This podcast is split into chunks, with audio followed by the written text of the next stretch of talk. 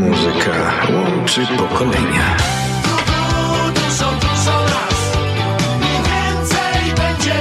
Radio 7 Toronto.com Kalendarium muzyczne 6 listopada na początek Australia. A właściwie Szkocja, bo w roku 1946 w Szkocji urodził się muzyk z ciekawymi pomysłami, które wybuchną jednak dopiero w Australii, gdzie przeniesie się jako nastolatek. Podobnie jak Bee Gees mawiał, że jego serce leży w tym kraju, ale mieszkał też w wielu innych, w Portugalii, w Singapurze. George Young był muzykiem i producentem, ale nie wiadomo kim bardziej.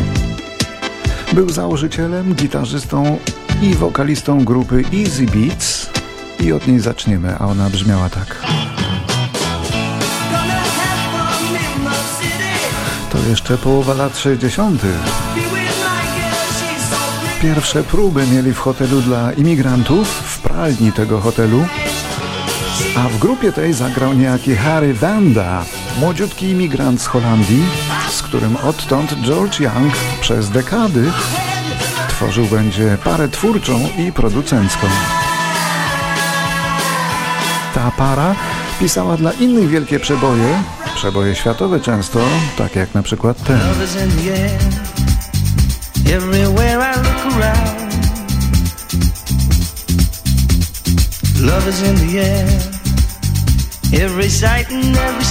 George Young był przy okazji bratem Angusa i Malcolma Youngów, czyli dwóch muzyków z legendarnej hard rockowej grupy ACDC. Nie wypadało braciszkom nie pomóc, więc produkował ich wczesne płyty, co brzmiało tak.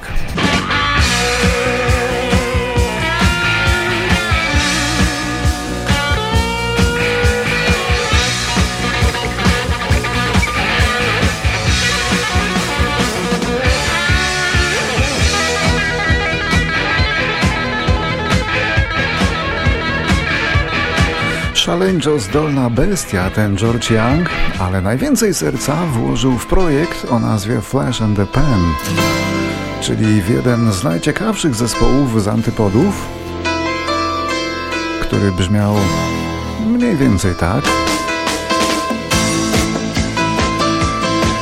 Flash and the Pen, kapela może i mało znana, ale wielce interesująca, z niecodziennymi pomysłami, jak na te 30 parę lat temu.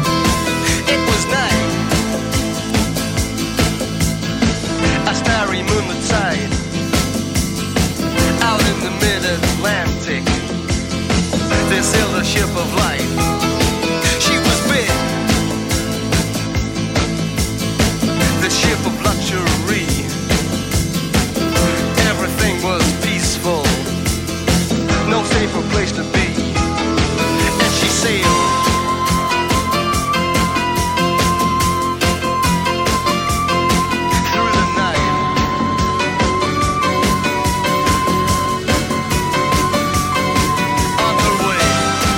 To tylko kilka próbek muzyki stworzonej przez George'a Younga, który był geniuszem, ale nigdy nie był idolem. A zmarł w 2017 roku. Jego Flash and the Pan jeszcze przez chwilę. Light. Shiny bright.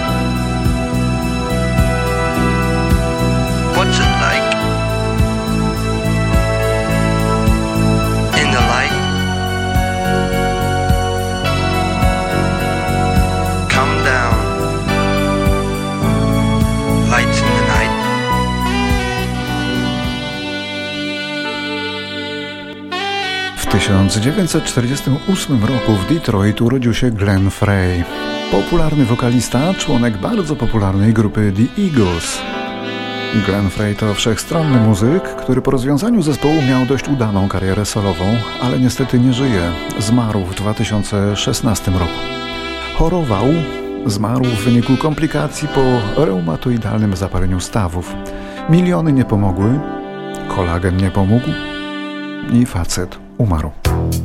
A perełką w karierze solowej Glena Freya było to właśnie nagranie napisane dla bardzo modnego serialu policyjnego Miami Vice.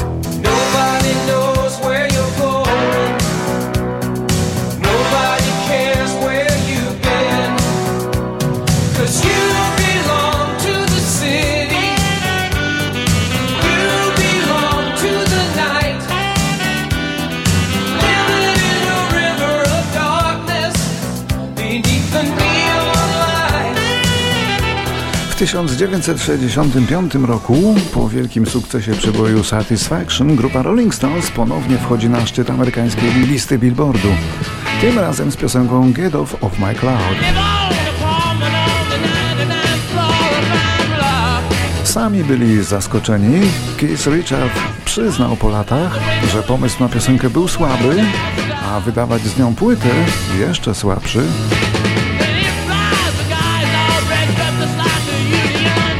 No ale mieli dobry refren, jak uważali,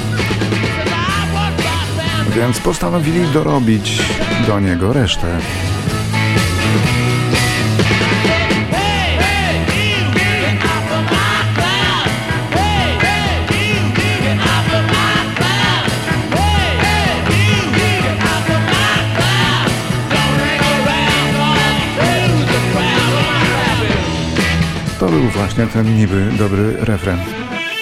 1966 w Stanach urodził się Paul Gilbert, gitarzysta grupy Mr. Big, który w 1985 roku uznany został za najlepszego gitarzystę w Ameryce. Ale dziś mało kto to pamięta.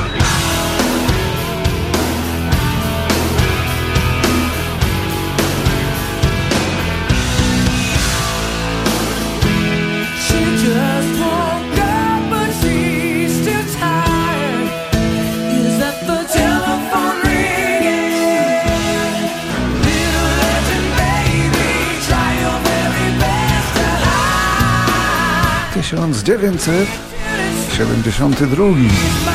Wyjątkowego pecha, śmiertelnego pecha ma perkusista New York Dolls, 21-letni Billy Mulcia, a to byli protoplaści amerykańskiego punku.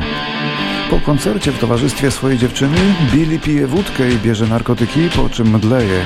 Aby go ocucić, jego dziewczyna próbuje wlać kawę do jego ust. To nie było mądre. Chłopak umarł, jak wykazała sekcja, po zachłyśnięciu się tą właśnie kawą.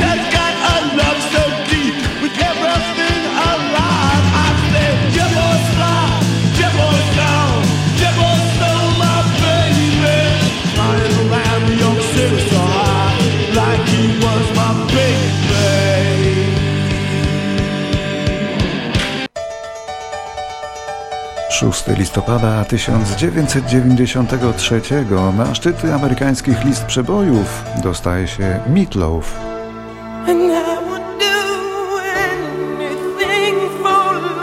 Wielki, otyły, artysta o twarzy tryglodyty, zupełnie antygwiazdorski facet. Ten pseudonim Meatloaf, czyli pulpet, bardzo pasował do niego niestety a na listy wchodzi piosenka I Do Anything for Love. Meatloaf ponownie przeżywał wtedy świetny okres w swoim życiu, bo już raz taki przeżywał w latach 70. I jakoś tam trwa do dzisiaj, a to rocznik 47, bo na szczęście schudł potężnie.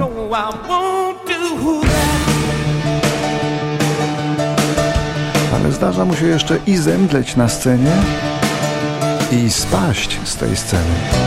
And some days it don't come easy, and some days it don't come hard.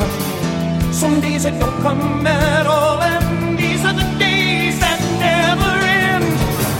And some nights you're breathing fire, and some nights you're caught in ice. Some nights you're like nothing I've ever seen before. Will again, and maybe I'm crazy.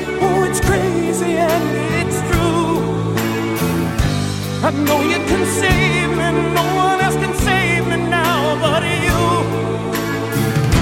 As long as the planets are turning, as long as the stars are burning, as long as your dreams are true, you better believe it that I would do anything for love. Oh, I would do. W naszym kalendarium muzycznym teraz rok 2002 Hollywood. Odbyła się tam wtedy galowa premiera filmu Eight Mile, filmu, którego scenariusz oparto na życiorysie białego rapera Eminema. Nie Nie wiem, czy film odpowiadał prawdzie, ale przyznano potem, że pewne fakty zmieniono, coś tam ujęto, coś tam dodano. Zrobiono dużo, aby film spodobał się widzom, dla których powstał, czyli dla młodzieży. Najbardziej zostaną w pamięci słynne tam kiedyś w Detroit wojny na słowa, pojedynki na słowa pomiędzy raperami.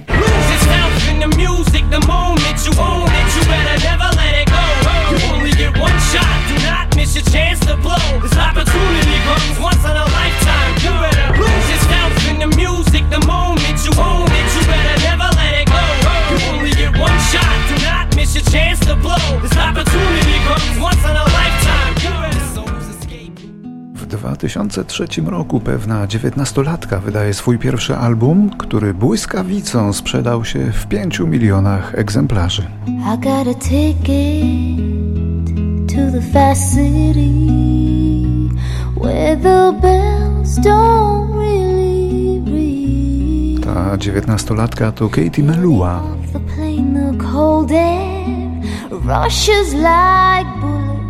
Urodzona w sowieckiej jeszcze Gruzji, bo jej pradziadek przyjechał tam z Kanady. Jednak później oskarżono go o szpiegostwo i nie pozwolono wyjechać z kraju, co było takim rewolucyjnym standardem wobec cudzoziemców. I dopiero w latach 90. jej rodzina przeniosła się do Belfastu, gdzie dorastała, aby potem zachwycić świat swoimi piosenkami.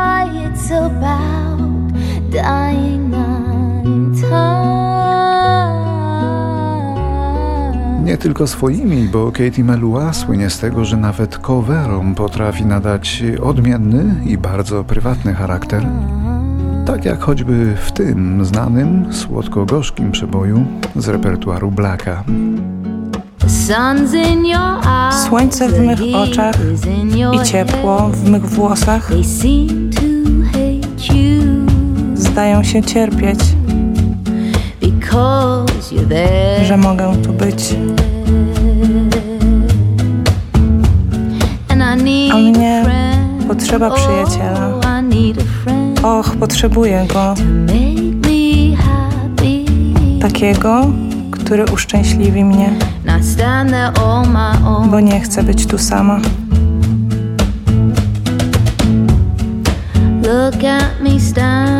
Popatrz, jak tu stoję. Znów zupełnie sama.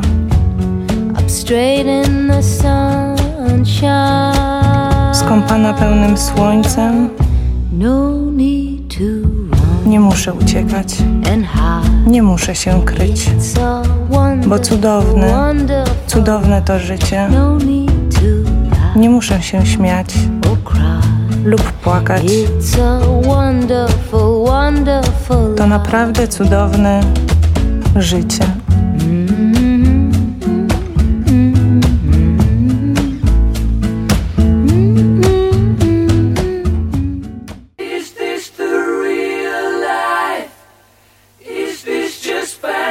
2018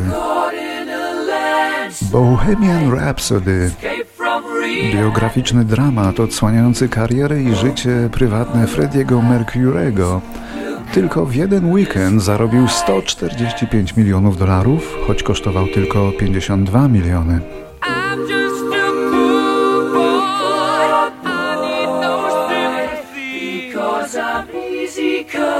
Film okazał się bestsellerem i na ogół miał dobre recenzje, za wyjątkiem pewnych nieścisłości, jak na przykład tego, kiedy u Frediego stwierdzono, że jest chory na AIDS. Tak czy owak, Freddy, gdyby żył, mógłby być raczej zadowolony, że powstała o nim tak udana opowieść.